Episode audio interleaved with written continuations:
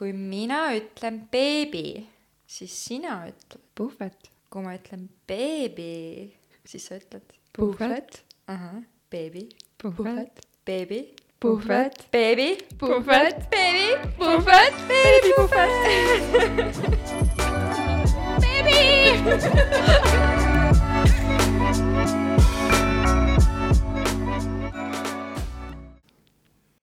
nii, tere tulemast taas kuulama Beebipuhvetit. mina olen ma olen Annela.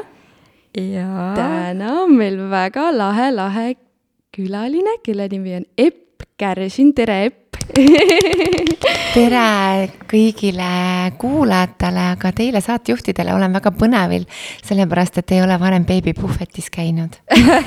kas sa tead, mis see beebipuhvet võiks nagu ma guugeldasin seda, et see tundub mulle, et see on emadega ja nende lastega seotud. Et mingisugune oma emade selline organisatsioon, kus on koondunud sellised noored emad.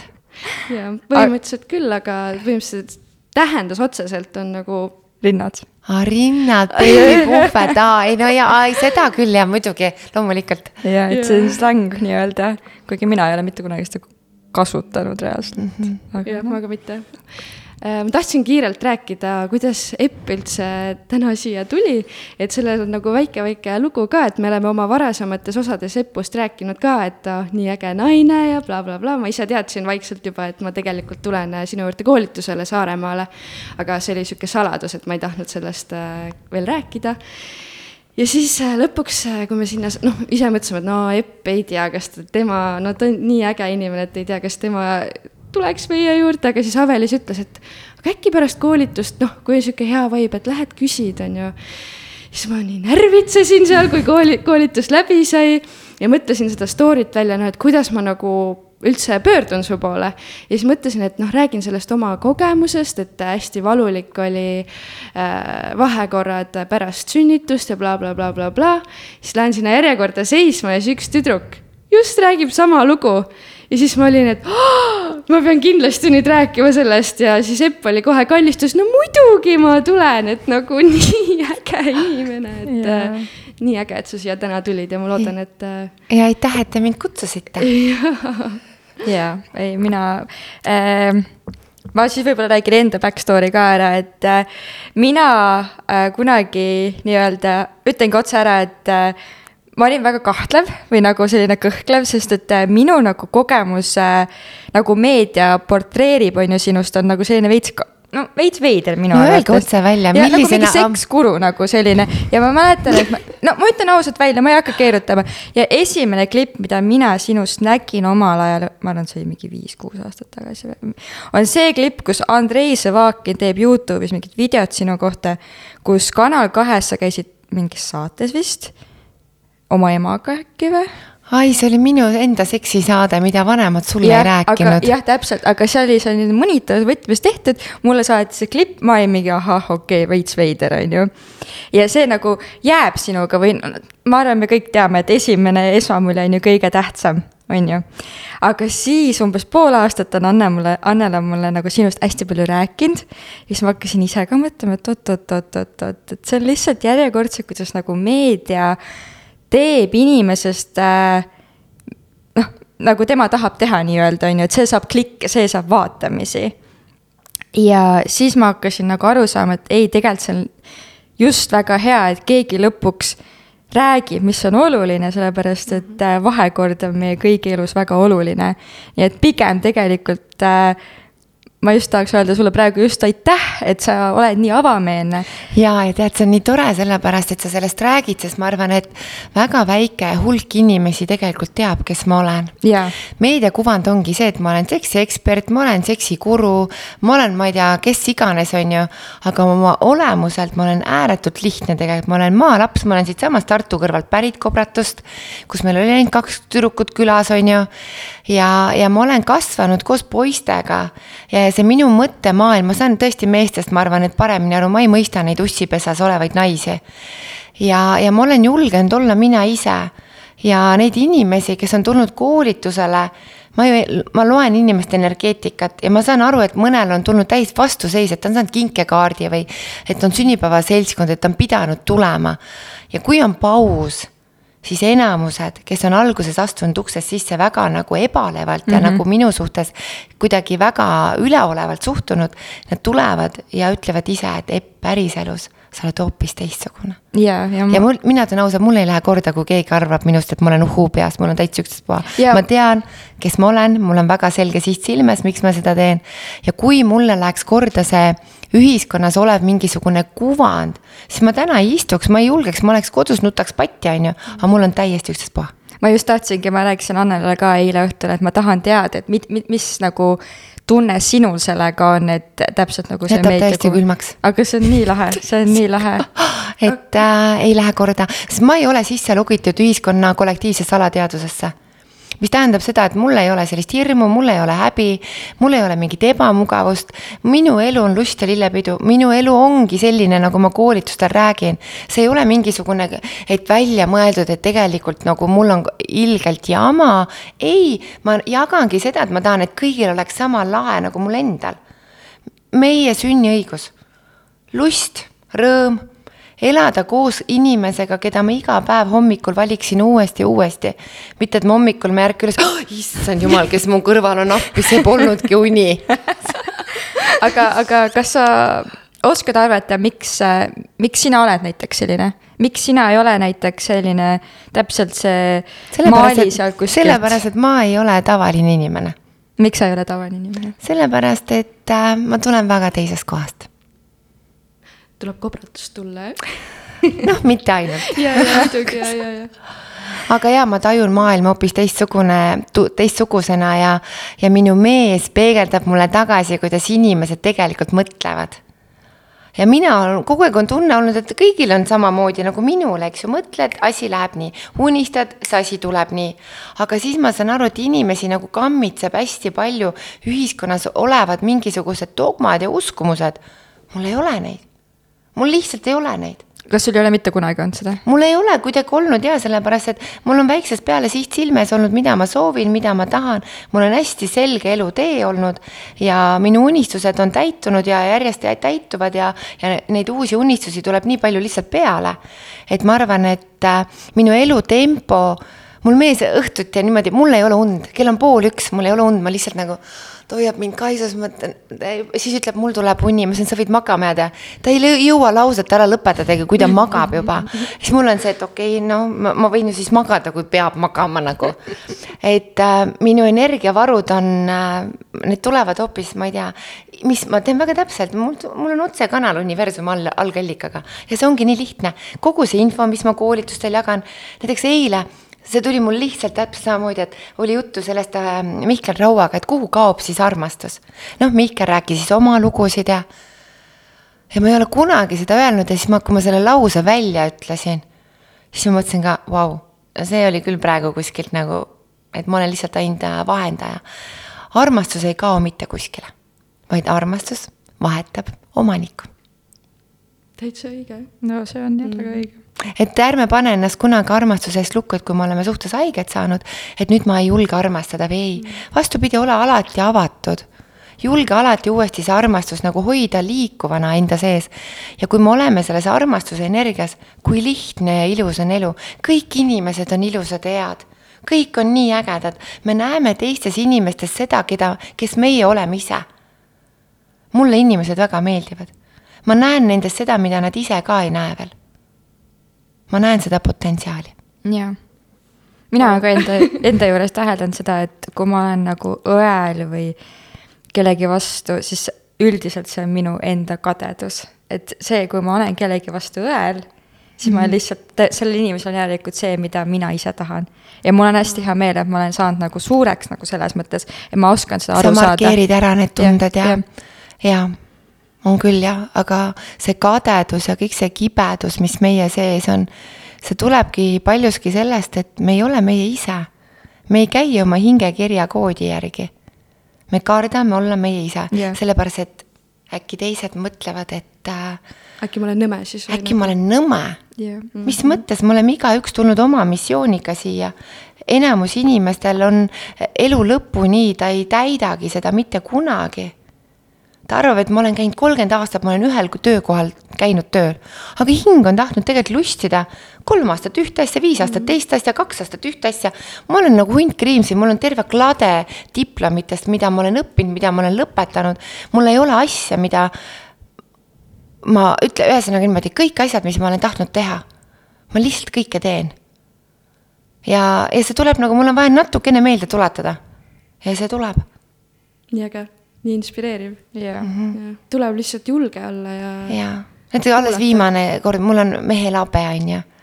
ja siis äh, minu arust mina tahan ise lõigata habet, ma pole kunagi habet lõiganud habeme lõikamine on väga raske mm. -hmm. esimene kord läks natuke metsa alles paar päeva lõikasin tagasi ja mul tuli välja, nagu ma oleks, ma võiks minna sinna barbershopi tööle. ma võiksin hakatagi neid meeste habemeid lõikama. sellepärast ma olen olnud meeste juuksur niimoodi, et ma ei ole õppinud päevagi juuksuriks. ma lihtsalt võtsin käärikata, hakkasin lõikama. sest tundus fun nagu. sest see tundus mulle fun, sest mulle tundus, et oh, ma lõikaksin hoopis teistmoodi, ma teeksin niimoodi, niimoodi, niimoodi. ja olingi no vaata, see ongi see julgus ka, ma arvan, et kui ja, sa sinna, kui sa oleksid sinna läinud, et su elukaaslane oleks sul palunud seda teha, teed sa natuke mm. -hmm, ja. ja siis lähebki pekki ju, siis lähebki ju pekki täiesti. ei, mul on see, et äh, ma, ma olen nii enesekindel lihtsalt, ma ei tea, kust mul see tuleb, on ju. aga see minu enesekindlus, mul äh, üks sõber ütles niimoodi, et sinu enesekindlust jaguks nagu väga, väga, väga, väga paljudele naistele. ja ma võtaks ka ühe tüki. et mul on, mul on, mul on lihtsalt üledoos sellest nagu, et, et mul on seda, ma arvan, et mis on meie pere ju puhul on see olnud, kus ma olen kasvanud. meid on vanemad, ema, isa hästi palju tunnustanud mm tohutult palju, keegi pole kunagi meid alla tõmmanud. kogu aeg on meisse usutud, kunagi pole midagi nagu niimoodi sellist halvaks pannud, et see pole võimalik või sa ei saa hakkama. vastupidi, proovi, vaata see tuleb sul välja, kui sa iseendasse usud. et meid on pigem niimoodi kasvatatud ja tohutult suures armastuses, tohutult suures armastuses. no mul on väga hea seda kuulda, sest mm -hmm. mina olen nagu sarnase mõtteviisiga, et nagu tahan enda last nii-öelda siis kasvatada, et äh, muidugi ma ei ütle, et nagu kunagi ei tohiks või noh ikka tuleb panna nagu mingid piirid paika. lapsed vajavad piire, väga vajavad mm -hmm. piired ja lapsed on need, kes testivad kõige rohkem meie mm -hmm. piire, kas need on olemas või ei ole olemas. Nad võitlevad nende piiride vastu, aga samas, kui neid piire pole, nad lähevad kuidagi hajuvad mhm. laiali mm -hmm. ja neil ei ole seda kindlustunnet.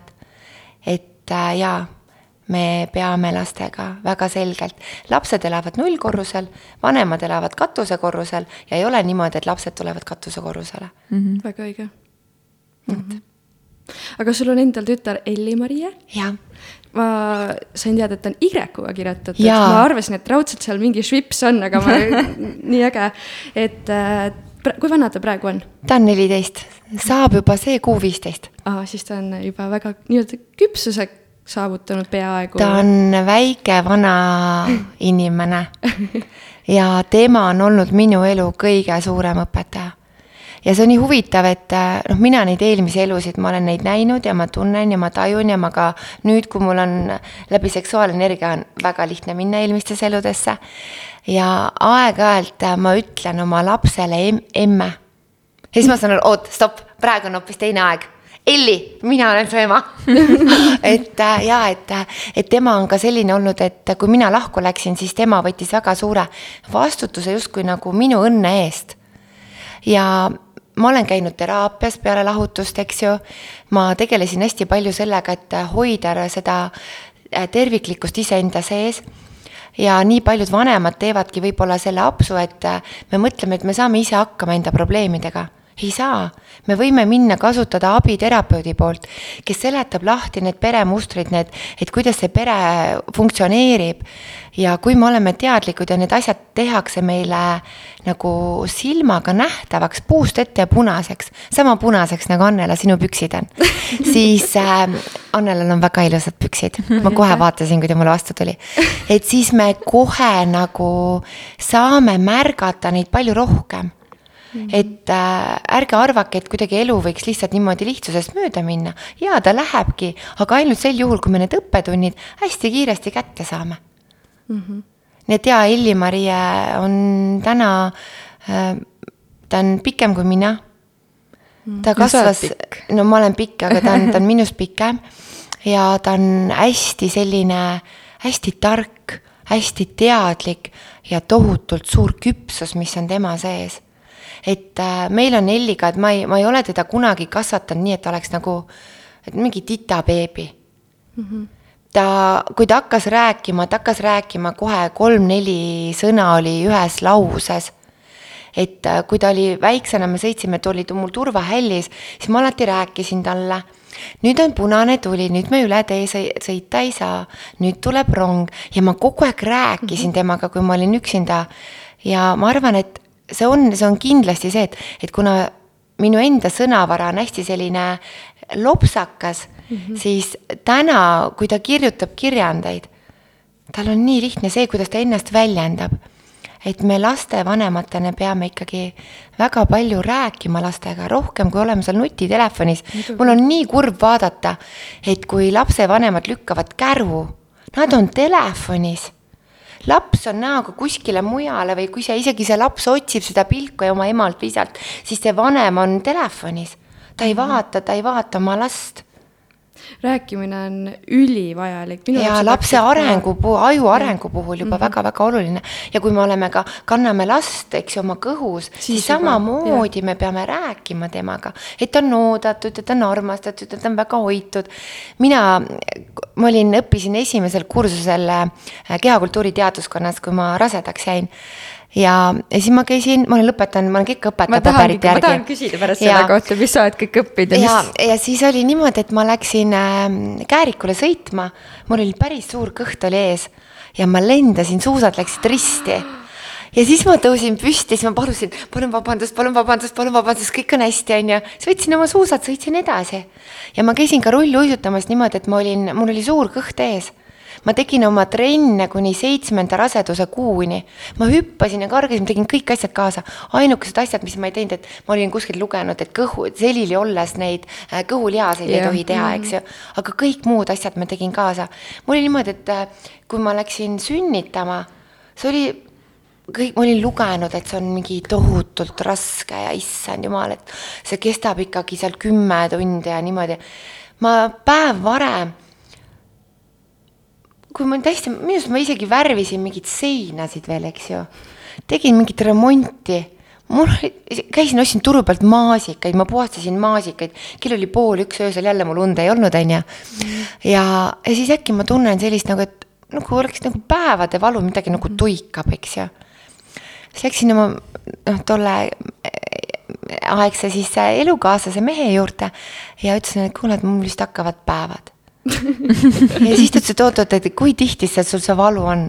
ja see valu oli mingi iga kolme või kahe minuti tagant. siis ütleb, oota, sul on tuhud, et me peame nüüd haiglasse minema. aga minu äh, lapse vanaema on naistearst ja, ja ka täna noh, endiselt minu naistearst, et hästi-hästi tore eksam on mul. ja siis me helistasime kohe talle, et kuule, et nüüd on selline asi. ja siis tema ütles, oodake, et ma tulen ka kohe ja ma jõudsin haiglasse, kell oli peale kuut. Tartusse siis, siis? Tartusse ja ma elasin mhm. Tartus siis Lossi tänaval tollel ajal, kohe seal mm -hmm. nagu kõrval. ei, me elasime Näituse tänaval juba, me olime kolinud Näituse tänavalt ja siis tulime Lossile ja Näituse tänaval elasime. ja ma läksin haiglasse, jube pikk oli mingi paberite majandus, mis pidi kirjutama mm -hmm. sinna ja siis ma sain tuppa, meil oli perepalat võetud, siis ma läksin vanni, siis ma vannis ei viitsinud olla, on ju, mul hakkas igav juba. ja siis ma ootasin, aga kuna see hullemaks läheb ja hullemaks ja hullemaks, on ju. ja lõpuks oli niimoodi, et äh, Helli-Maria sündis, kell oli kümme nelikümmend viis. et kell kuus läksin haiglasse, kümme nelikümmend viis oli laps käes. ja see käis nii kiiresti. What? ja siis mul ei olnud nagu, siis ma mõtlesin, aa, okei okay,, et see oli nüüd sünnitus, jah mm,, olgu. ja kõik tehtud aga sa tegid mingeid ettevalmistusi? ei teinud käisid... ma mingeid, ma olin ju treener. ainukene asi, mis mul tekkis, mul tekkis kõhusirglihaste lahknevus mm -hmm. ja see oli üsna hea diastaas, et see oli nagu üsna raseduse alguses, ma ei saanud aru, ma tulen kõhu nagu ülesse ja siis mul tekib nagu mhm, mingisugune vahe, vahe siia sisse, kus midagi pressib nagu välja. ja, ja minul läks sünnitus hästi kergelt ma arvan, et äh, kaks nädalat hiljem ja ma olin juba äh, Tartus, ma olin mingi rulluisu, mingi, ma ei tea, kus kohas ma olin, igastahes äh, jaa, kakskümmend, oota, Elli sündis kakskümmend kuus juuni. Juuli oli vahet, eks ju, või kuskil niimoodi juuli-augustis oli see rulluisu maraton. Ja, ja ma olin äh, rulluisu maratonil juba. Et no, mul oli nagu niimoodi, et nagu rasedus või, aa, olgu. aga vaata, see ongi see, et mida, ma ei tea, kas ma olen nagu podcast'is seda rõhutanud, mina tegin ka trenni edasi, noh, ma ei teinud arvatavasti nii intensiivselt kui sina, aga ma käisin ka jooksmas ikkagi, jätkasin, et äh, ma olen oma emaga ka seda rääkinud, et vanal ajal, kui sa mõtled, kas sulle öeldi, et oh wait, mine nüüd äh, seal pikuta, on ju. ei, naised tegid tööd edasi, põllul mm, tehti tööd jah. edasi, lapsi pidi kasvatama. põllu vahele sünnitati lapsi, siis kõplesid edasi. et tänapäeval seda rasedust nagu käsitletakse. see on nagu mingi haigus ja ei, see, see ei ole mingisugune haigus, haigus ja, ja, et sa noh, peadki olema tegelikult aktiivne ju. et seal on täielik füsioloogia taga, et äh, kui sa teed trenni, siis su issand ja. noh, seal on nagu, ma ei hakka seda seal, seal, see on nii põnev, näiteks see teiseks asi, raseduse ajal seks. ma olin täielik lümfomaan, ma lihtsalt oleksin hommikul, õunal, õhtul, see oli lihtsalt nagu üle mõistuse nagu reaalselt nagu ja ma ei saanud aru nagu nendest naistest, kes ütlesid ei seks nagu. ma tundsin, et ma olen kõige seksikam, ma olen kõige nagu, kõige meelam, kõige mahlasem, kõige rohkem nagu selline no, no tõesti aga raseduse alguses oli ka sul nagu esimene trimester nagu? mul oli, ma sõin sidrunit. see oli ainuke asi, mis ma mäletan, et ma sõin tohutult sidrunit. aga mul ei olnud äh, ei rasedust mingi paha nagu, süda mm. ei olnud paha ja ma ei saanud, esiteks ma ei saanud üldse aru, et ma rase olen. selle, sellega oli ka tase. et see oli niimoodi, et, et äh, ma arvasin, et mul on põiepõletik ma käisin kogu aeg vetsuvahet ja ma mõtlesin juba, et ma võtan teki ja padja, ma enam ei jaksa. mul jalalihased haiged juba, onju. ja siis ma läksingi naistearsti juurde, mõtlesin, et kuulge, et nagu kontrollige mind, et, et, ähm, et mul on põiepõletik ilmselt, ma käin nii tihti WC-s, onju. ja see arst nii armsalt ütleb, et no ma ei tea, et, et siis mul ei olnud veel see mehe ema ei olnud veel siis minu naistearst. aga see arst vaatab mind ja ütleb, et hmm, palju õnne ma ütlesin, mille puhul? No teil on rasedus. ma ütlesin, kui palju? siis ta vaatas, ta arvutas ja küsis, kuna viimased päevad. ütleb seitse nädalat, ma ütlesin päriselt, et ma olin seitse nädalat rase. aga sa ei mäleta seda, et nagu päevad oleks nagu kahtlaselt pikad? et minul käisid päevad edasi minul mm. oli see nagu, et mul oli, päevad käisid edasi, et mul ei olnud seda, et päevad oleksid ära jäänud issand, kui huvitav. ja, ja selliseid juhtumeid on mm. -hmm, on küll, jah. ja, ja, ja see oli minu jaoks see rasedus, aga kusjuures ma hakkasin mõtlema tagasi seda, et aga ma kohe tundsin ka seda hetke mm. -hmm. sa tunned ära? ma tundsin ära ja ma teadsin, et see on tütar. ja, mul oli sama, mhm, sama., mul oli täpselt sama. nii et, ähm, et selles suhtes hästi-hästi huvitav. jah, mul oli täpselt sama. mulle meeldis rase olla ainuke asi, mis mul oli see, et, et äh, ja ma väga jälgisin, mida ma söön. sest äh, minu üks äh, tuttav oli võtnud rasedusega juurde kakskümmend kaheksa kilo mm.. ja laps võtab nagunii kõik selle, mis tal on vaja, eks ju. ja üle, ülejäänud siis äh, võtab siis hiljem, eks ju. ja ma võtsin kümme kilo juurde rasedusega aga siis ma eeldan, et kui ära sünnitasid, siis olid no siis ma olin kaalus. juba kergem niimoodi, et tegelikult mul läksid samad riided selga, et kui noh, mitte mingit nagu erinevust ei olnud. et noh, kõht oli küll veitsa selline nagu natukene pehme. No, aga minu jaoks on hästi oluline, noh, tänapäeval, ma olen tantsija olnud, eks ju, et minu jaoks see füüsise, see vorm on nii oluline, et mul on kõht lame ja mul on tuharalihased ja mul on kõhulihased ja ja ma hästi kiiresti hakkasin äh, Liikuma. ja uuesti tagasi trenni tegema. jah, no selles mõttes minu jaoks on nagu liikumine juba näiteks sellepärast oluline, et ma kohe tunnen, et ma olen rõõmsam, siis kohe, kui ma nagu ei ole mingi kolm-neli päeva midagi teinud, ma hakkan nagu no see on kehale omane ja, tegelikult see liikumine ikkagi, et. kindlasti, aga kas sul oli nii-öelda oodatud laps? selles mõttes, et kas sa teadsid, et sa tahaksid saada tol hetkel? väga, seal ei olnud kahtlustki okay.. et see oli nii suur armastus. et äh, aga meie kaks äh, saimegi kokku selleks, et saada imeline tütar et see on meie elu nagu noh, minu elus ongi üks tütar, eks ju. et täna me oleme küll lahku läinud ja, ja eksmees on, tal on uus pere ja imeline naine ja ime-imearmsad lapsed. Ja me, me oleme väga suured sõbrad, et ma käisin alles hiljuti nende pulmas isegi. nii et, äh, et minu jaoks äh, ma ei saa arugi, inimesed, ma olen lahku läinud ja ma ei suhtle ja õudne, eks ju. vaata peeglisse miks on niimoodi, et sa ei suuda nagu andeks anda või ega sa ise ka pole ju pühak samamoodi mina abielus ka, ega ma tegin ka vigu, ma ka ei osanud. ja tänu sellisele kogemusele ma arvan, et täna ma olen kõige parem naine oma mehe jaoks üldse muidugi. et sa nagu neid allhoovusi, sa tunned kohe ära, sa, sa kohe saad aru, et, et mis läks ja mul ei ole vist olnud kunagi nii teadlikku partnerit, et kuidas meie räägime. me ei tülitse, me räägime, me räägime, et kus see tunne on, kust see tunne tulnud on sa otsid seda algpõhjust, oota, see on ju hoopis sellest kohast. aa, see oli sealt ja sa, sa tunned, kuidas su keha lihtsalt sulab ära et sul ei ole seda pinget. Ja minu selline põhiolemus on, ma olen hästi klaar ja hästi selge. Ja nii kui on näiteks isegi mingi lause, mida ta ütleb, mis tekitab minus, siis ma kohe ütlen, panen käe, kallis, miks sa mulle praegu nii ütlesid? et ma kohe markeerin ära mhm. selle, et ma ei jäta seda tunnet, et hm, huvitav, küll me räägime sellest pärast, ei, me räägime sellest kohe eile just oli selline situatsioon ja no õde, noh, me olime koos perega seal söömas peale, meil Taageperes oli eile esinemine, üliäge Mihkel Rauaga see vestlusõhtu, kuhu kaob armastus. ja, ja mingisugune koht oli ja siis mina kohe reageerin, ma olen ju, ma olen ju ehtne venelane, mustlase temperament. ma ei pasta, paista välja, aga ma ei ole nagu tüüpiline selline eestlane, kes hoiaks oma emotsioonid tagasi mm. -hmm. ma räägin kätega kogu aeg, saate aru, on ju, mhm. ma ei oska teistmoodi. ma lihtsalt ei suuda niimoodi olla sest ma ei oska, sest minu sees on nii palju seda energiat ja see lihtsalt nagu. ei, see on väga tore, see on. et see, et see, et see kõik lihtsalt tuleb minust äh,, lihtsalt pulbitseb, see eluenergia lihtsalt pulbitseb minu sees. ja eluenergia pulbitsebki siis, kui me käime oma hingeteed. aga kas äh, sul on hästi palju energiat, kas sa tunned, oled tundnud kunagi elus, et sa sind väsitad ka?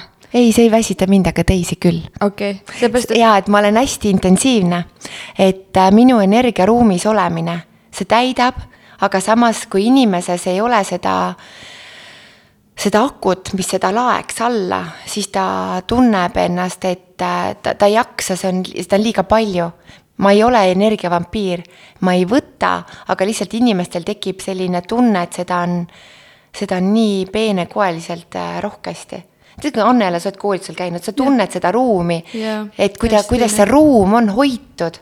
see on, see on minu armastuse ruum. viimane kord, kas oli, kui see purjus naine oli koolitusel või? Mm -mm. mul oli üks naine, see on uskumatu, mul oli selle nädala koolitusel hommikul kell kümme üks naine kogu aeg segas vahele ja ma ei saanud aru, kas ta on puudega või tal on tabletimõju või, või ta on nagu purjus, ta oli hästi kohtlane ja kui ta püsti tõusis, ütles, et ta läheb WC-sse, siis ta koperdas seal vastu laudasid ja teisi inimesi ja ma küsisin kohe, et vabandust, et kas te olete purjus. ja siis ta ütleb natukene ja ma ütlesin, teate, nüüd te võtate oma asjad ja lähete koolituselt ära, te rikute ära selle ruumi energeetika. ja ta ütles, et ma ei lähe ma läksin tema laua juurde, pakkisin asjad kokku, ütlesin, uks on seal, maksame teile raha tagasi ja nii oligi väga õigesti tegid. jaa, sest ma ei kannata seda, sest üks, see oli nagu tõrvatilk kogu selles armastuse mm. ruumis. ja nii, kui ma ta välja saatsin ära, kõik grupi energeetika läks jälle uh, sellesse armastusse tagasi. et mina olen hästi tundlik äh,, hästi tundlik inimeste suhtes. ja ma olen väiksest peale seda olnud. inimesed, ma saan aru, kuidas, ta võib rääkida mulle üht. ja ma küsin, kas see on tõde? ja ma saan kohe vastuse aga sa tunnetad siis ära nagu jaa. kas sa vaatad nagu otsa ja sa tunnetad ära või jutu käigus või? see on äh, kogu energeetika, kogu inimene mm.. Mm -hmm. ma näen aurasid. hästi. jaa, sinul on üks pool heledam, see pool on sul heledam, kui ma sind praegu vaatan kas see on nagu? see on, see on, see on meesenergia pool on see, vaata, parem kehapool on meesenergia ja vasak pool on naisenergia. et ma ei tea, kas Annel oled natukene nagu võtnud peres juhtimise üle kuidagi, et sa oled selline. hästi tugev meesenergia. jah, näed, aga sellepärast ongi, sellepärast see pool elendabki sul aga rohkem. aga ma olen vasakukäeline. aga see ei tähenda mitte ei midagi ja, et uh, anna oma mehele rohkem olla võimalus mees peaks andma jah. ja, et ära organiseeri liiga palju, usalda teda rohkem mm. -hmm. Mm -hmm vot aga sul on siis äh, nagu, mis see teine pool on siis, et kui on see, see naisenergia, ta on niimoodi, et ta lihtsalt ei kiirga sul. ta on no. sul olemas, aga ta ei kiirga niimoodi. mul on vaja seda. sul on rohkem vaja naiselikkust ja, ja seda pehmust no,. ja seda õrnust on sulle vaja ja, ja, ja ma näen seda, ma tajun seda aga sul on siis nagu, sinul endal on siis nagu seda naiselikku? mul on äh, tasakaalus, aga ma ütlen ka ausalt, ka minul endal on rohkem meesenergiat mm. ja ma täna õpin, sest mul kõrval on nagu selline mees, ma olen näinud teda. jaa, no, no ta on mees. no ta on ikkagi nagu mees, mees, ta tuleb ruumi, jaa, ta tuleb ruumi sisse ja ta on nagu karu, ta lihtsalt on selline ja, ja mul on olnud äh, raskusi liikuda sellesse naiselikkusesse, sest mm -hmm. ma olen olnud selline, et mina, ma teen kõik asjad ära mm. -hmm. ja siis ta ongi niimoodi kallis. sina oled naine. sina oled naine. siis ma, olgu, ma olen siis naine. aga ma, ma tunnen, et ta on ka esimene mees, mees mu kõrval, mis tähendab, et te teate, eks et, et ma olen järelikult ise jõudnud sellisesse arengukohta, et nüüd mu kõrvalt saabki olla mees, mees sest varem ma ei oleks seda kohta andnud mm.. aga ta on väga võrdne partner, võrdsemast võrdsem. seda on väga tore kuulda. sa rääkisid ka seda kohtumislugu, see oli väga. ja, ja see oli nii äge lugu ma tahan, mis tähtkuju sa oled? kaalud. kaalud. kaalud hoopis mm. -hmm. Hmm. armastus, naudingud, ilus elu, parimast parim mm. -hmm. kas Avelisil on ka meesenergiat palju? ei, ma ei usu ma olen väga ebakindel inimene, ma arvan. ja sinu kehahoiak on juba selline mm. -hmm. sa õlad ja kuidas sa hoiad ennast, ma nägin kohe seda, kui ma sisse tulin. ma loen inimest, ma ei oska seda, ma ei ole seda õppinud aga see on mul väiksest peale olnud mm -hmm. näiteks, et kui ema kunagi mingist kellegist rääkis, ma ütlesin kohe emme, et see mees pole üldse hea mees. hoia tast eemale. ja siis ema ütles, ei, Epp, kuidas sa ütled, et ta on ju nii tore, ma ütlesin, emme, ta ei ole tore, on ju. ja täpselt nii oligi ma olen, meil on suguvõsas hästi tugevalt tegelikult nõidliin. et minu emal on, ta on pärit seitsmelapselisest perest ja tema esimene noh, Luule, kes siis oli tema vanem õde ja Malle, noh, nendel on mõlemal hästi tugevalt. Luule kahjuks on surnud ja kui mina sündisin, siis Luule vaatas mind ja ütles kohe emale. see ei ole tavaline laps mm.. Mm -hmm.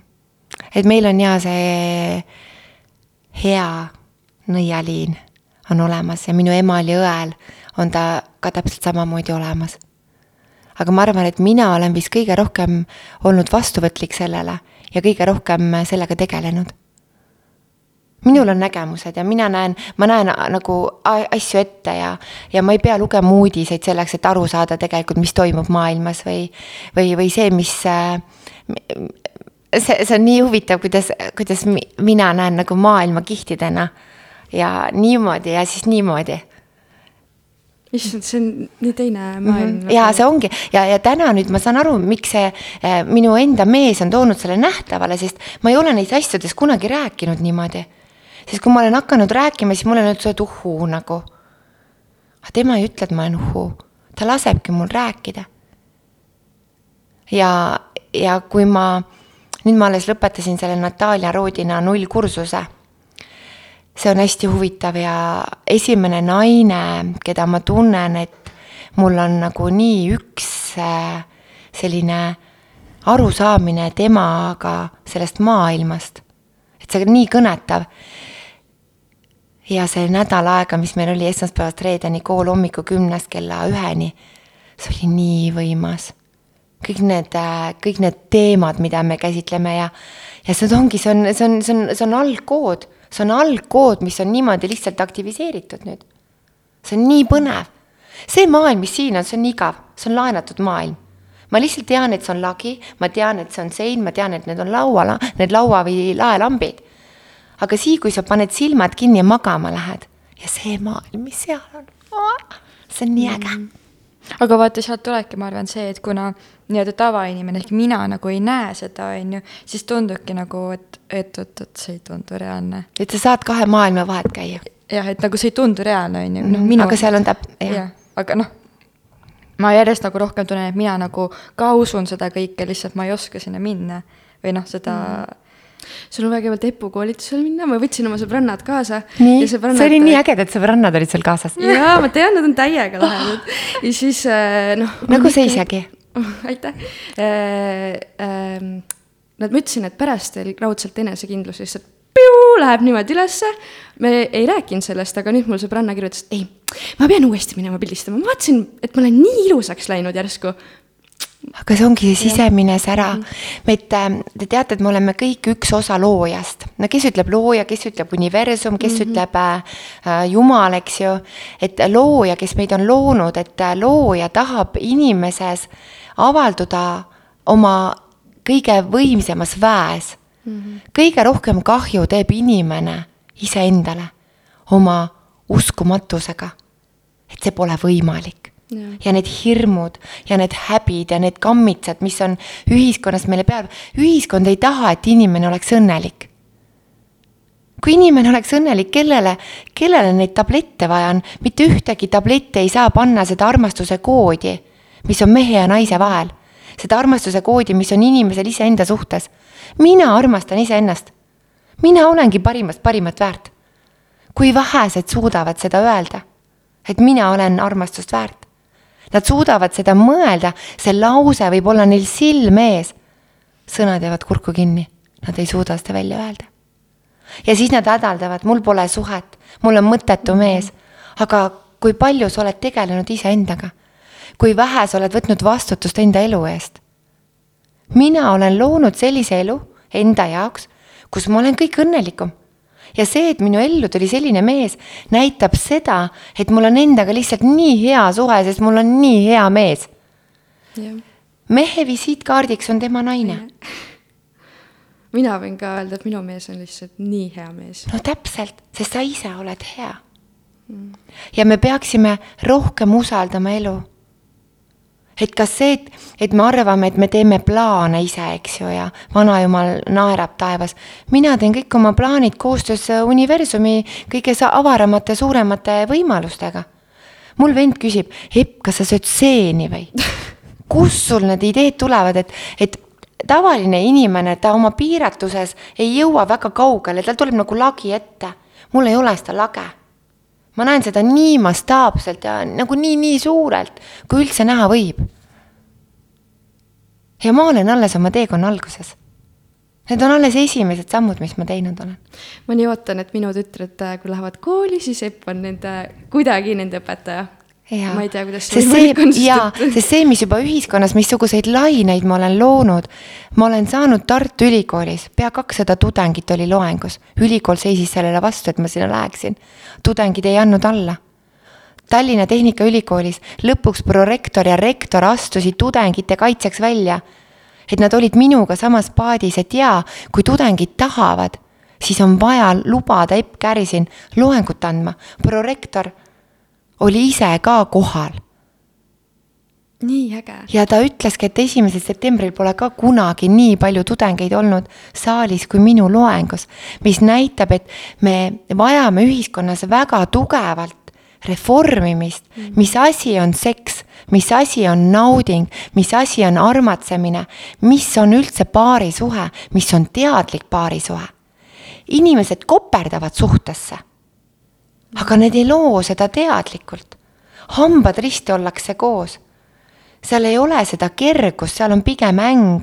vähe on neid inimesi vähemuses, kes iga päev tunnevad, et see paarisuhe toidab, et see loob, et see annab meile võimaluse kogeda taevast paradiisi maa peal. see on minu lemmiklause, nii nagu taevas, nii ka maa peal, teisiti ei saa olla ma ütlen, et äh, minul oli ka täiesti teine kogemus pärast, kui me seal Saaremaal käisime, saime nii-öelda ähm,, kuidas ma ütlen, juhendid, kuidas siis seda õhkkonda luua ka kodus, on ju. ja Matis on niisugune, kes tahab nii, noh, tema tahtis sinna koolitusele tulla kõigepealt, on ju, mhm. ja siis tulin mina.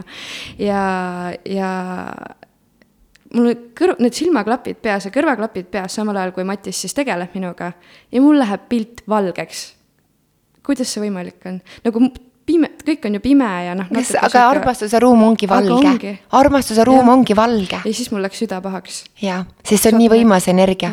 see on nii teistmoodi mm. -hmm. su hing laulab ja heliseb sees. meid ei ole õpetatud puudutama. Mm. kui vähesed äh,, ma ütlen ausalt, miks ma olen nii enesekindel, sest ma olen koolitanud tänaseks üle kahekümne kuue tuhande inimese. Eestis ei ole kunagi ühtegi inimest olnud, kes oleks seksist nii palju rääkinud, kes oleks nii palju lugusid seksist kuulnud. mehed jagavad oma lugusid, naised jagavad oma lugusid, nad räägivad peensust enne ära, kuidas nemad seksivad, kuidas nad otsa sisse võtta, panevad, kuidas nad selle välja võtavad, mis neil kodus toimub, kuidas keegi midagi teeb, on ju. Nad, sest kuna mina olen ise nii avatud siis nad tunnevad ennast nii turvaliselt. ja mehed on öelnud, et nad isegi oma naisega ei julge olla nii avatud kui minuga. sest ma ei mõista neid hukka, ma lasen olla neil, nagu nad on, ma lasen olla nende haavatuses, nende hirmus, nende ebakindluses ja pigem ma teen nende hingele pai ja toetan neid. et see on okei okay,, et sa nii tunned, aga palun jaga oma tundeid ka oma naisega. sellest ei ole kasu, kui sa ainult mulle räägid sa pead ka naisele välja mm -hmm. ütlema. ja paarisuhetes naistel on rohkem äh, kontakt oma sisemaailmaga, meestel on seda palju vähem. ja ka mehed on niivõrd õrnad ja nad vajavad toetust ja nad vajavad tunnustust ja kuidas nad vajavad seda, seda, seda positiivset tagasisidet. ja nad vajavad seda hellust, nad, nad tahavad samamoodi äh, et neid märgatakse -hmm. see tähelepanu, tähelepanu, tähelepanu. Gunnar Aarma oma raamatus ütles, et äh, see, see raamatu pealkiri on Saada õnnelikuks, et naine vastutab kuuskümmend protsenti suhte vaimse, emotsionaalse tasakaalu eest. kui naisel on see kontakt, siis ta loob selle kontakti oma mehega mm -hmm. ja mees loob kontakti iseendaga kõige suurem küsimus, mida me elus otsime. kes ma olen? meid ei ole õpetatud vaatama enda sisse. meid on see, et ära võta neid kõige paremaid komme, jäta ikka naabrilastele. vaata, missugune egoist sa oled. võtsid kõige ilusama õuna korvist, jah? vaata, milline sa oled. mina väiksest peale olen kogu aeg mina, mina, mina, mina, mina, mina ma olen oma õe ja venna käest andeks palunud, eile ka palusin andeks, kui palju nemad jäid ilma sest mina ei leppinud kehvade asjadega, ma olin ilma. Ma käisin ennem väikeste kingadega, kus mul kasvasid küüned äh, äh, suurte varvaste sisse, aga ma ei, ei olnud nõus mingeid koledaid jalanõusid jalga panema. enne kui siis tuli võimalus neid osta ja siis ma ütlesin, et okei. Okay, see on lihtsalt uskumatu, et kust see mul on tulnud, ei oska öelda. Ja ma olen terve elu olnudki printsess, tänaseks äh, ei ole midagi muutunud ma panin tähele ja, et sa oled igal koolitusel kõrgete kontsadega ja mm -hmm. mitu tundi järjest. jaa mulle meeldivad nagu, kõrged wow. kontsad ja mulle meeldivad kõrged kontsad. mulle, ma võin käia hommikust õhtuni, ma võin kümme tundi olla kontsade peal.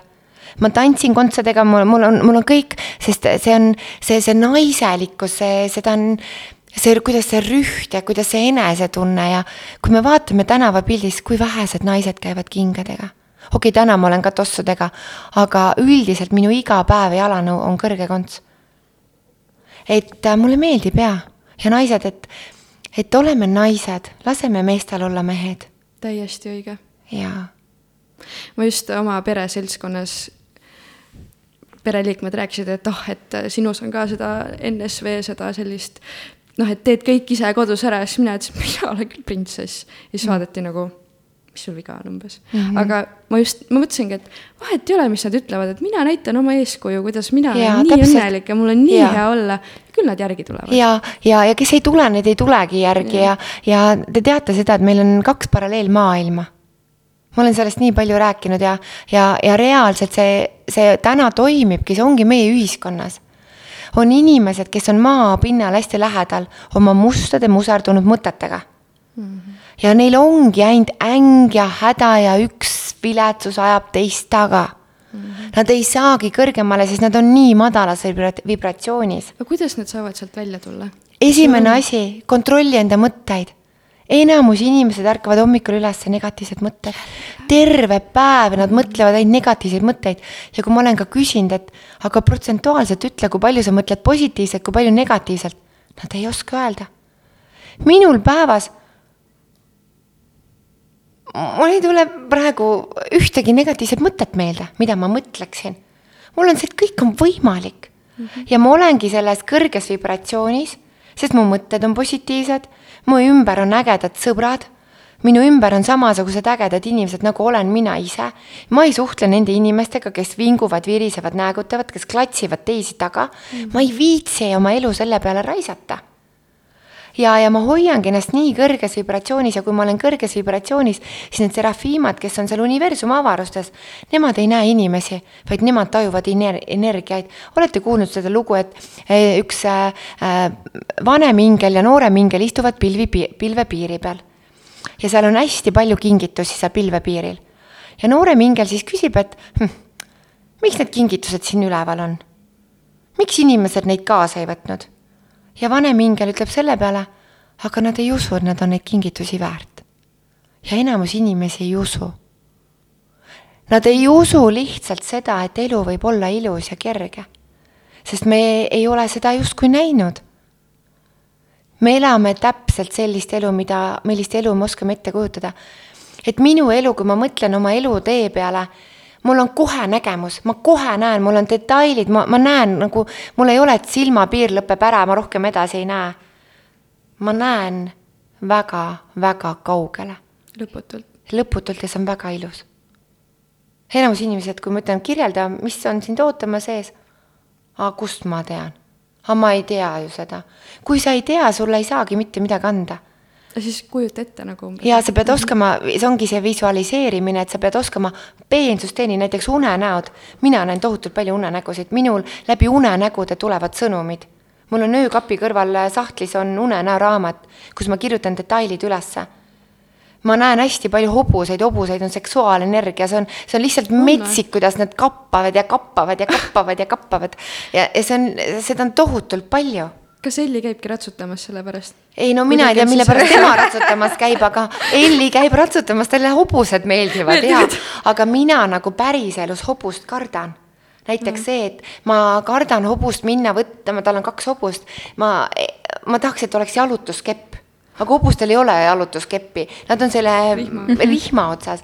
Ja see hobune tuleb nagu nii lähedale mulle, siis mul on see, Elli et ma tõesti nagu kardan, aga ma tean ka miks, sest mul on eelmise elust äh, väga tugev äh, mälestus sellest, mis, te ei ole näinud oma eelmisi elusid või? ma olen käinud holistilises teraapias ja siis ma midagi mm, -hmm. aga, aga no, ma ei ole väga süvitsi läinud sellesse. et äh, jah, ühesõnaga, see on seotud eelmise eluga ja sellepärast ka minu laps ratsutab, et ma pean sellega rahu tegema mm,. sa tead mm, -hmm. miks ta tegelikult ratsutab? ja, ja ma tean seda mm. -hmm. Mm -hmm.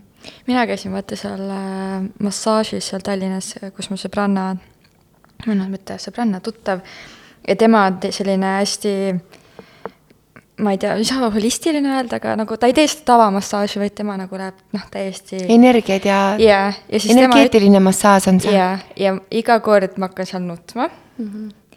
ja siis ta ütlekski mulle, et äh, sul on tegelikult hästi hea side enda kehaga, aga sa oled ise ees sellel sa blokeerid oma keha. ta ütleski, et sa saaksid endast ülihästi aru, aga sa oled ise ees, et ma olen liiga realistlik või nagu mm. -hmm. ja ma tahan vaata kogu aeg meditsiini kõiki asju seletada.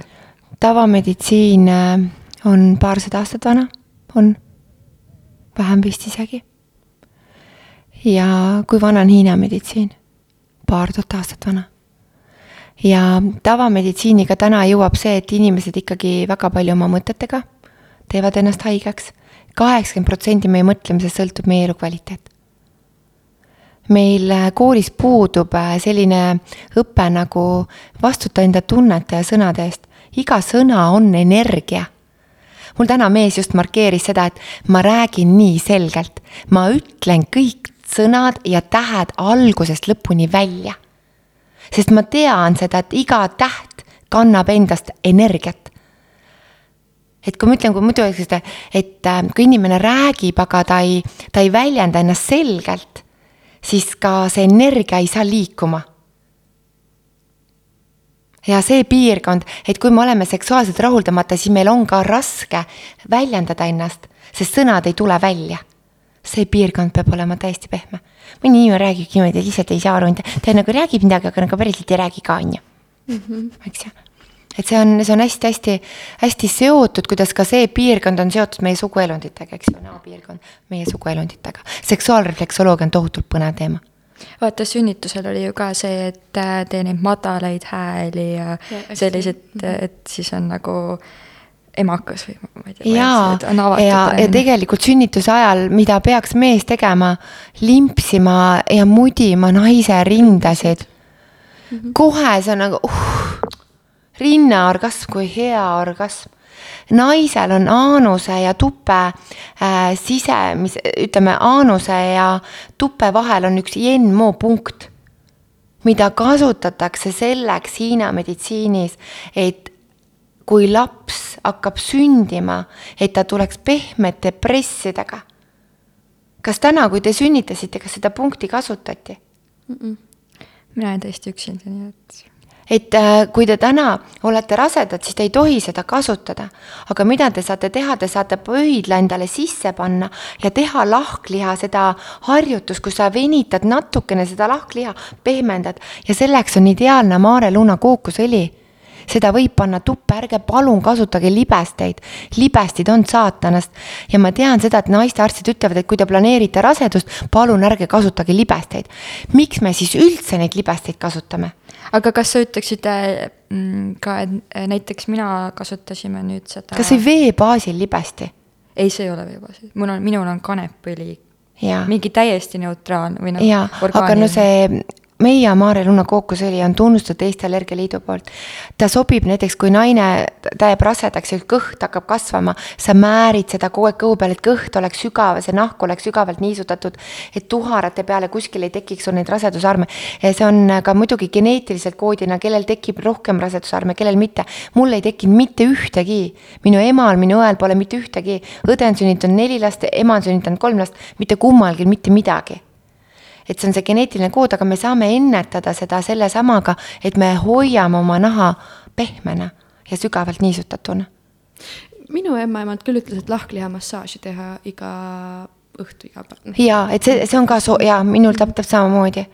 ja ma väga loodan, et kui te olete lapsed ära sünnitanud, eks ju, ja kui teil vahekord ei ole enam endine ja naistearst ei küsi teie käest selle teema kohta, sest see on ikkagi tabuteema, et no kuidas te nüüd seksite, kuidas teil seksuaalelu on, siis palun öelge ise, et tegelikult kui ongi valus või ebamugav, et mul on natukene siit või sealt või et äkki on midagi valesti kokku kasvanud või äkki on midagi äh, õmmeldud niimoodi, et tuleb kuskilt järgi lasta või teha mingit lisa või midagi järgi anda, eks ju.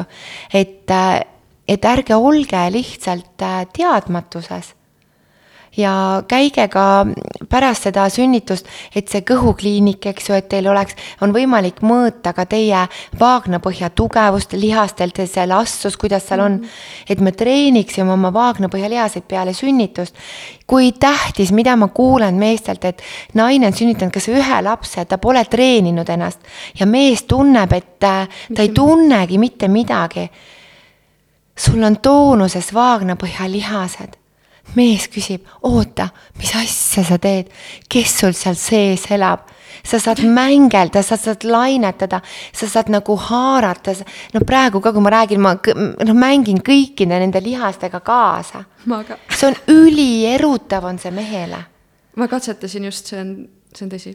ja, ja, ja nende vaagnapõhja lihaste treenimine, minu noh, koolitusel Naine tunne oma keha koolitus on number üks koolitus kuhu kõik naised, millest peaksid alustama, sest hea seks saab alguse meist endist mm. ja seal ma räägin ka sellest jooni-eegist, et kuidas treenida vaagnapõhja lihaseid.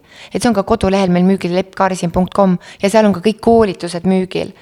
et, äh, et tule ja saa teadlikuks, sest nendest teemadest, millest mina koolitusel räägin, ei koolis ega kodus ei räägita ja ühiskonnas äh, ma usun, et see kõik on väga suures muutuses, sest et äh, seks on niivõrd suur kingitus meile inimestele, kes me siin maa peal oleme.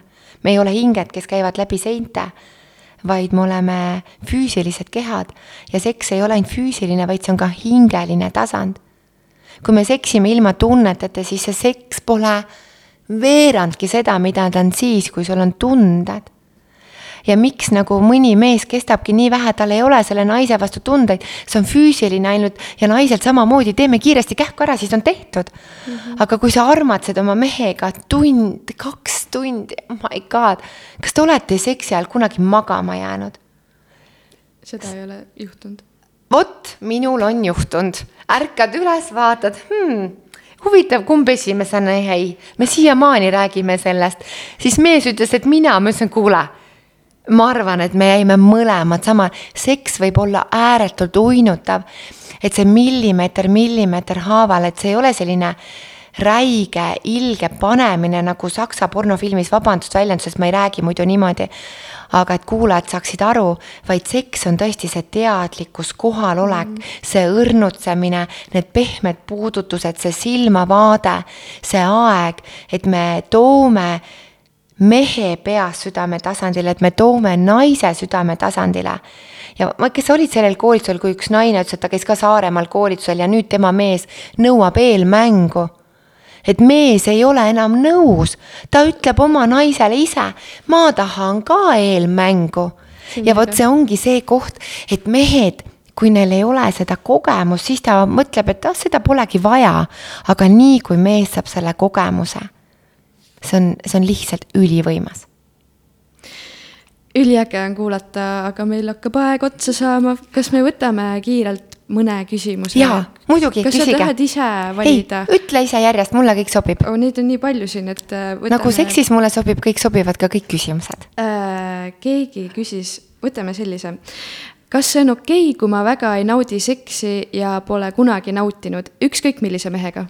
jaa, aga ta pole lihtsalt head seksi saanud, on minu vastus, sada protsenti nii see on muidugi aseksuaalseid inimesi on, aga pigem on neid väga vähemuses, aga ma kahtlen. või, või kui ta ongi aseksuaalne, et ta ei naudi, siis on see ka okei okay.. aga pigem naised, kes on näiteks minu tutsuringkonnas ka olnud, kes on öelnud, kui ma alustasin just, et Epp, sa räägid seksist nii palju, et see seks pole suhtes üldse oluline, on ju. või et nagu, mis seks, on ju. siis äh, kui nad on lahku läinud ja saanud selle õige partneri, siis nad on tulnud öelnud, vot Epp, nüüd ma saan aru, millest sa räägid et ärge kunagi loobuge äkki naisega hoopis proovida? jaa, miks mitte, minul on kogemusi ka naistega ja ma ei ole üldse seda varjanud.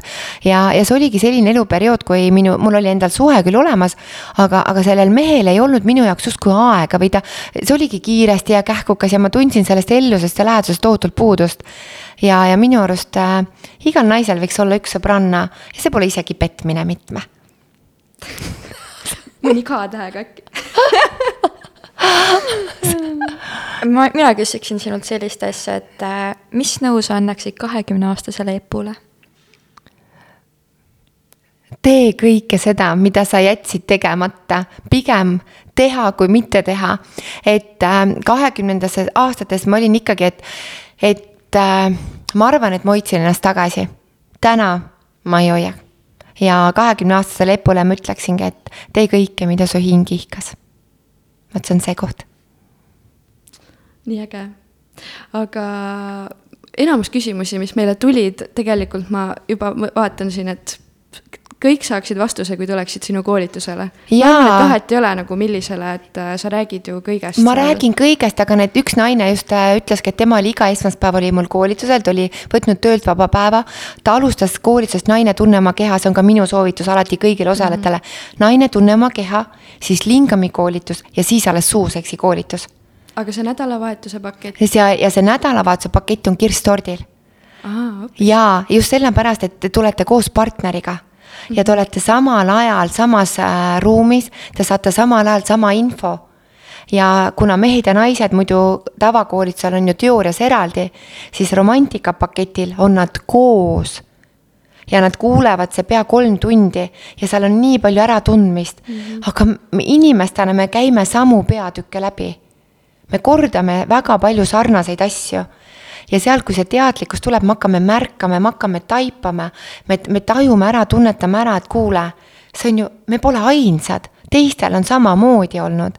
ja siis laupäeval on ju kohe praktika ja kuna te olete seal reedest pühapäevani, reede öösel olete seal, laupäeva öösel olete seal, lapsi, mingeid kohustusi ei ole mm. -hmm. Te saate sada protsenti olla teineteise jaoks olemas ja no pühapäeva hommikusöögilauas ma olen neid nägusid näinud.